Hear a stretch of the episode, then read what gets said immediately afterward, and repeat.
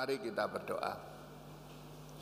Terima kasih atas waktu dan kesempatan yang masih dapat kami nikmati sebagai karunia Tuhan untuk beribadah kepada Tuhan dan untuk mendengarkan kabar baik yang datang dari Tuhan. Kabar tentang kasih Tuhan, kabar tentang pengampunan Tuhan, kabar tentang penyertaan Tuhan dalam kehidupan kami.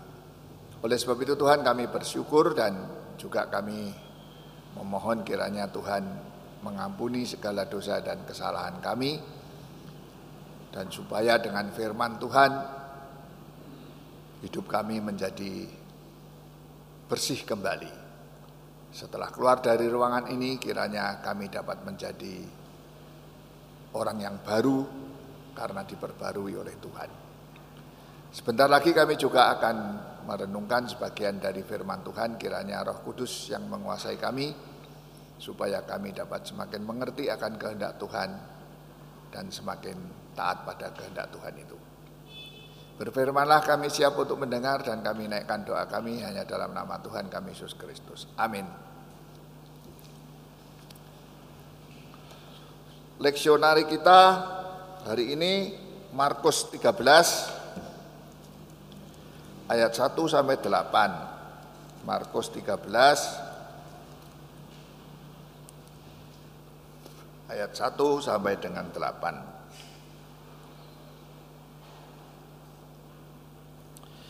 Ketika Yesus keluar dari bait Allah, seorang muridnya berkata kepadanya, "Guru, lihatlah betapa kokohnya batu-batu itu dan betapa megahnya gedung-gedung itu." Lalu Yesus berkata kepadanya, kau lihat gedung-gedung yang hebat ini, tidak satu batu pun akan dibiarkan terletak di atas batu yang lain, semuanya akan diruntuhkan. Ketika Yesus duduk di atas bukit Zaitun berhadapan dengan bait Allah, Petrus, Yakobus, Yohanes dan Andreas bertanya sendirian kepadanya. Katakanlah kepada kami, bila manakah itu akan terjadi dan apakah tandanya kalau semuanya itu akan sampai pada kesudahannya.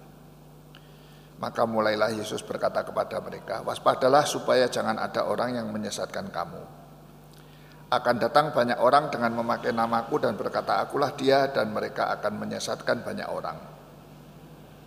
Dan apabila kamu mendengar deru perang atau kabar-kabar tentang perang, janganlah kamu gelisah. Semuanya itu harus terjadi. Tetapi itu belum kesudahannya. Sebab bangsa akan bangkit melawan bangsa dan kerajaan melawan kerajaan akan terjadi kebabui di berbagai tempat dan akan ada kelaparan. Semua itu barulah permulaan penderitaan menjelang zaman baru. Berbagai setiap orang yang mendengar, membaca, terutama yang menyimpan dalam hidupnya. Amin.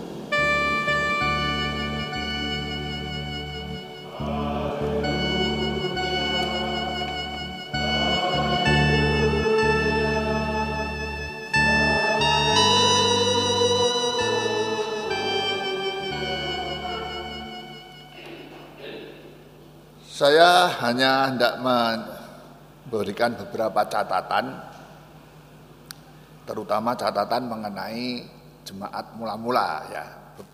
Belakangan ini saya suka sekali bercerita tentang jemaat mula-mula karena menurut saya itu penting.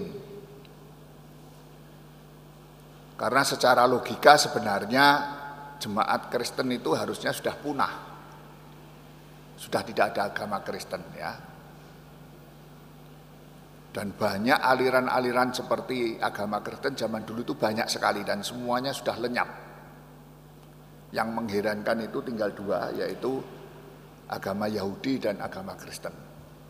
Itu yang mengherankan karena semua aliran agama yang ada pada waktu itu sudah lenyap.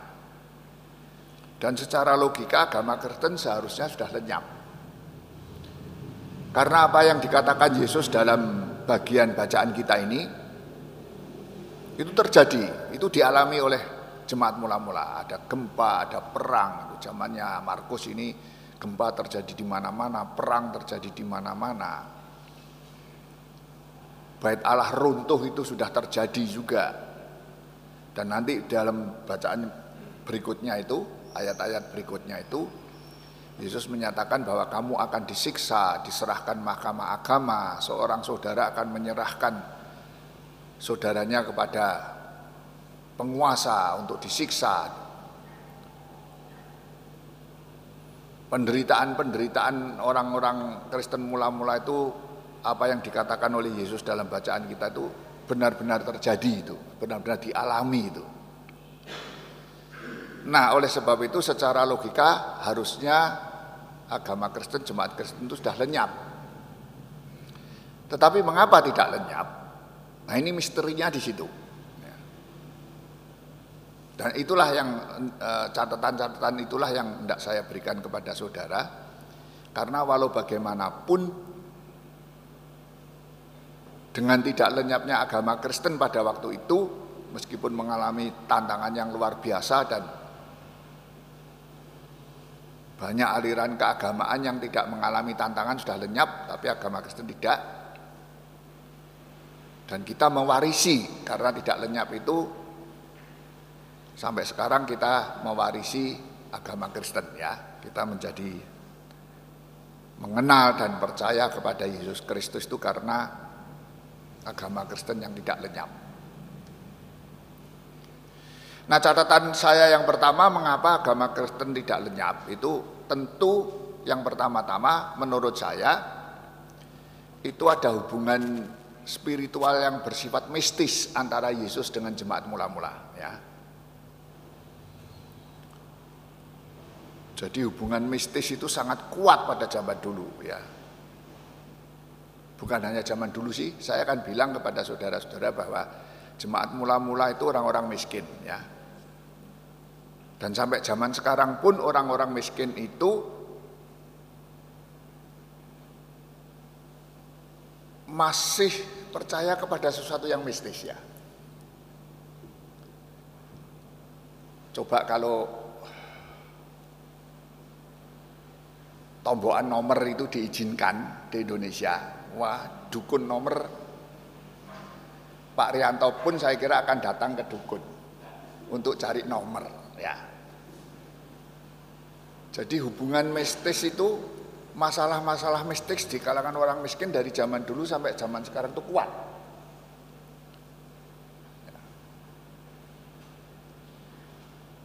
Banyak orang yang terkena masalah dikit-dikit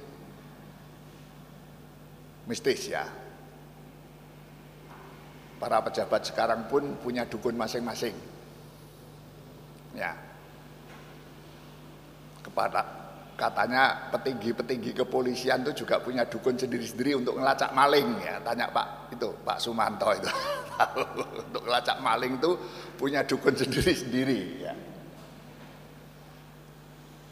Jadi saya kira hubungan mistis antara jemaat dengan Yesus itu sangat kuat pada waktu itu.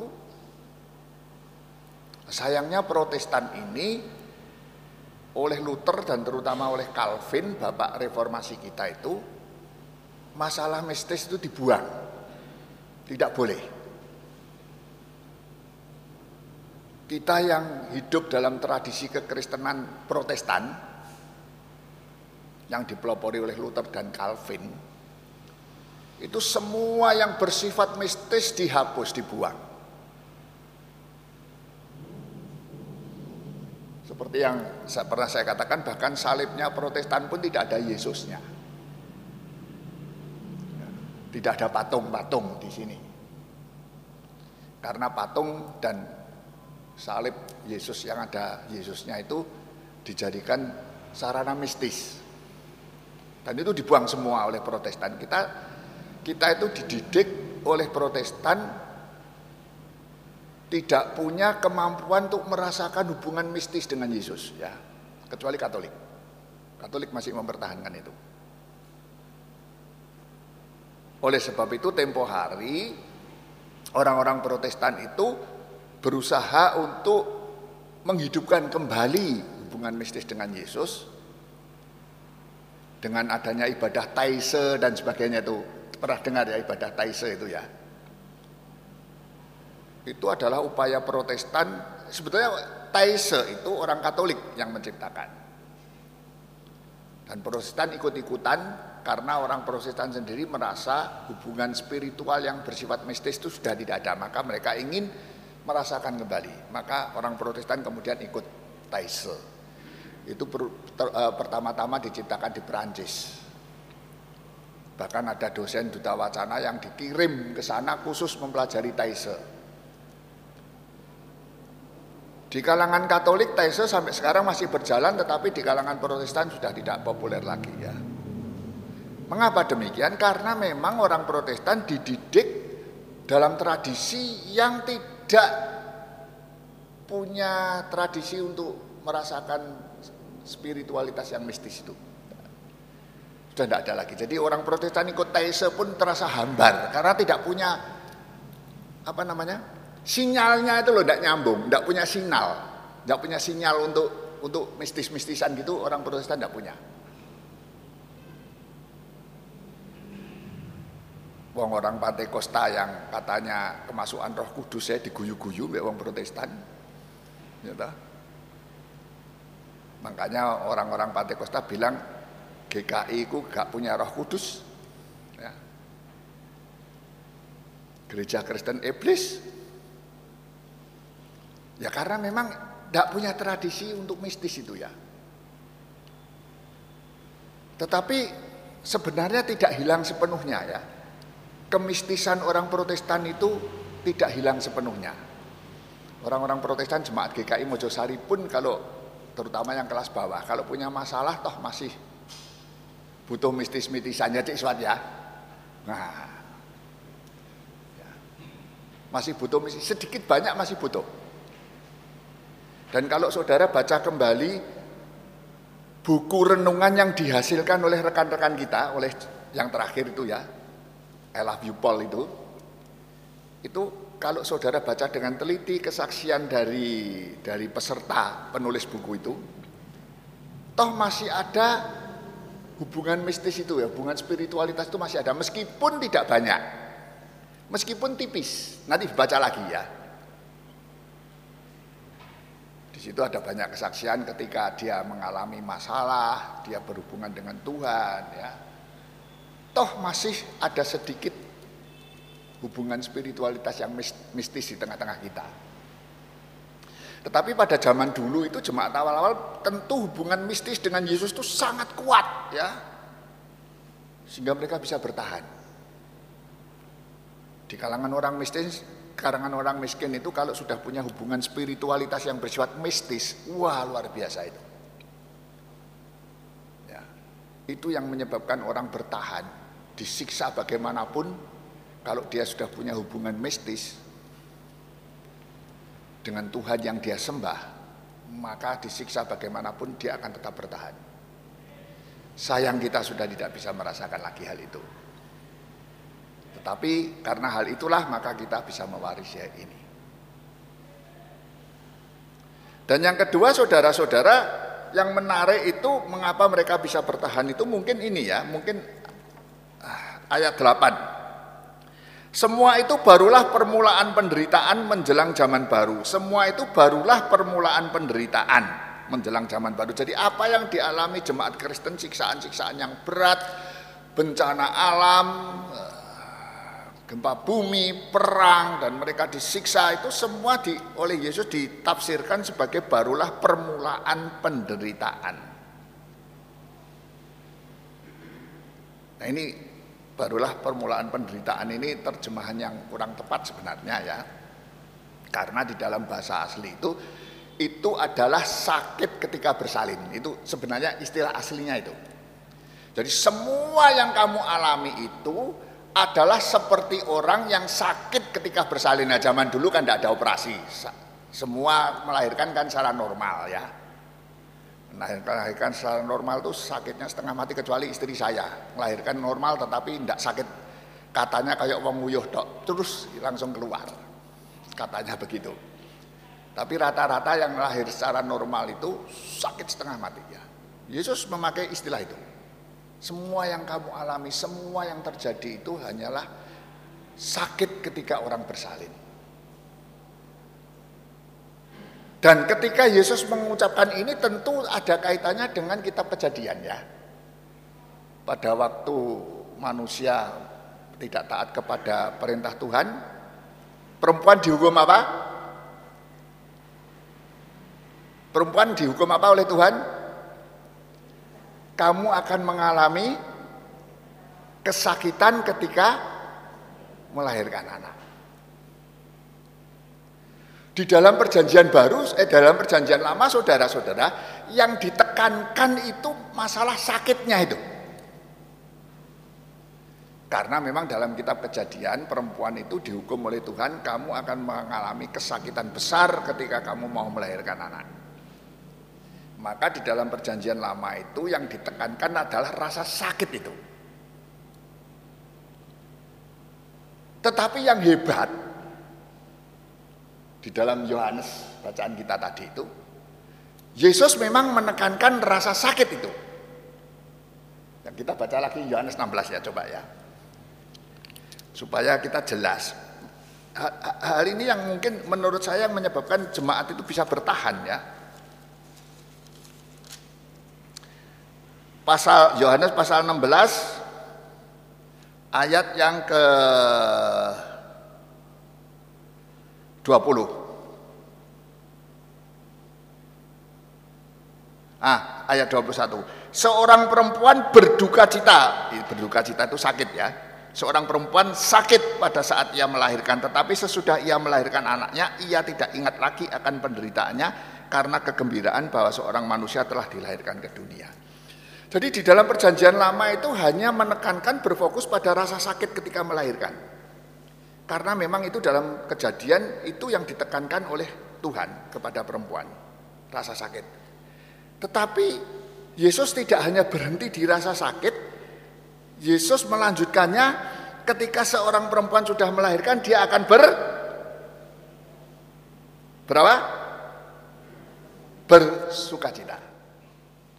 Ya. Ini yang baru dari Yesus ya. Ini kejeniusan Yesus itu karena perjanjian lama hanya menekankan rasa sakit.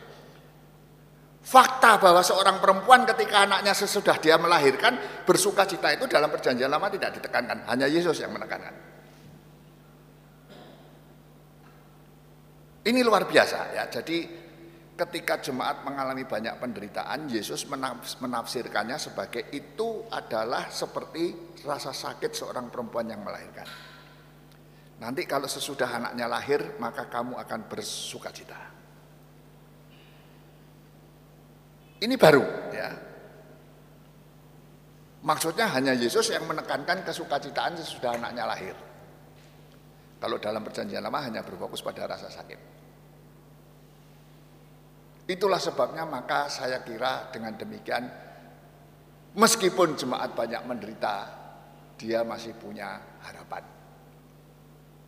Setelah ini sebentar lagi, apalagi di dalam Yohanes itu, Yesus mengatakan sebentar lagi kamu akan melihat aku, kamu akan bersuka cita, dan sukacitamu tidak bisa diambil oleh dunia. Ini luar biasa. Sehingga jemaat ketika mereka meng, menghayati rasa sakit yang mereka alami itu, di balik rasa sakit itu mereka punya harapan yang tinggi. Jadi dua faktor ini punya hubungan spiritualitas yang mistis dengan Yesus. Dan penafsiran Yesus, kata-kata Yesus, jadi zaman dulu saudara-saudara firman Tuhan itu, firman Yesus itu, kata-kata yang diucapkan Yesus itu punya kuasa yang luar biasa bagi jemaat pada waktu itu. Ya. ya memang kita tidak bisa sekarang ini tidak bisa merasakan ya. Kalau zaman dulu itu apa yang diucapkan Yesus itu punya kekuatan yang luar biasa bagi jemaat. Nah sekarang kita ini apalagi jemaat GKI Mojosari mau soal Alkitabnya kan moh gitu. Jadi tidak ada pengaruhnya omongan Yesus ya. Paling-paling ditaruh di stiker mobil tapi nanti kalau ada kerusuhan terhadap orang Kristen dikeledai meneh, wedi. Gitu. Kan begitu. Tapi zaman dulu ucapan Yesus itu punya kuasa yang besar. Kalau Yesus mengatakan apa yang kamu alami itu hanyalah permulaan penderitaan, hanyalah seperti seorang yang melahirkan anak, nanti kamu akan bersuka cita. Wah, itu punya pengaruh yang luar biasa bagi jemaat pada waktu itu. Dan saya yang ketiga yang pen, yang penting juga saudara-saudara nanti kalau saudara baca berikutnya di Markus pasal 13 dan ayat berikutnya itu berkali-kali Yesus mengatakan berjaga-jagalah, waspadalah, berjaga-jagalah, waspadalah dan istilah itu berjaga-jagalah dan waspadalah itu biasanya digunakan oleh Yesus untuk merujuk kepada supaya kamu senantiasa berdoa. Di dalam bagian yang lain dalam Injil itu Yesus memberi perumpamaan seorang janda memohon kepada hakim, hakimnya itu jahat. Tetapi janda itu tidak berhenti-henti memohon sampai hakim yang jahat itu sumpek. Akhirnya meluluskan. Janda itu, permintaan janda itu. Nah kalau hakim yang jahat itu akhirnya sumpek meluluskan permintaan yang janda yang jahat itu apalagi Tuhan yang baik. Nek saudara berdoa terus sesuai Tuhan sumpek. Dituruti saudara. Ya. Jadi meskipun kelihatannya kita berdoa tidak dituruti Tuhan, doa terus nanti Tuhan nggak sumpek gitu loh. Dan itu yang menyebabkan jemaat ikut bertahan. Mereka meskipun disiksa mereka adalah jemaat yang berdoa. Jadi kekuatan doa pada waktu itu juga luar biasa. Ya. Jadi tiga hal inilah yang menyebabkan tiga di antara banyak hal pasti banyak hal lagi lah saya tidak tahu itu tidak seluruhnya saya bisa mengungkapkan tetapi setidaknya tiga hal ini punya hubungan spiritualitas yang mistis dengan Yesus kalau saudara masih mampu melakukan ini, lakukanlah tidak apa-apa. Ya. Omah dipasangi salib ben setane lunga kabeh gak apa-apa. Anggaplah penderitaan ini sebagai ketika kita sedang susah, anggaplah sebagai seperti seorang anak yang tidak melahirkan ya. Dan itu tadi jangan berhenti berdoa nanti Tuhan sumpek sendiri nek kita doa terus ya. Apa pun yang terjadi seolah-olah tidak dituruti, berjaga-jagalah dan waspadalah artinya berdoalah. Tiga hal ini yang menyebabkan jemaat bisa bertahan. Mudah-mudahan ini bisa bermanfaat bagi kita semua. Amin. Mari kita berdoa. Dengan mempelajari hubungan jemaat-jemaat zaman dulu dengan Engkau ya Tuhan, hubungan jemaat yang dahulu dengan firman-firman-Mu, di mana mereka terpelihara oleh firman dan hubungan dengan dirimu, maka sebenarnya kami harus iri dengan jemaat mula-mula meskipun mereka banyak persoalan tetapi mereka terpelihara oleh kehadiranmu dan juga oleh firmanmu. Dan biarlah sedikit kami boleh sedikit menikmati kisah-kisah tentang zaman dulu itu dan supaya kami dapat mengerti apa artinya kehadiranmu, apa artinya firmanmu dalam kehidupan ini.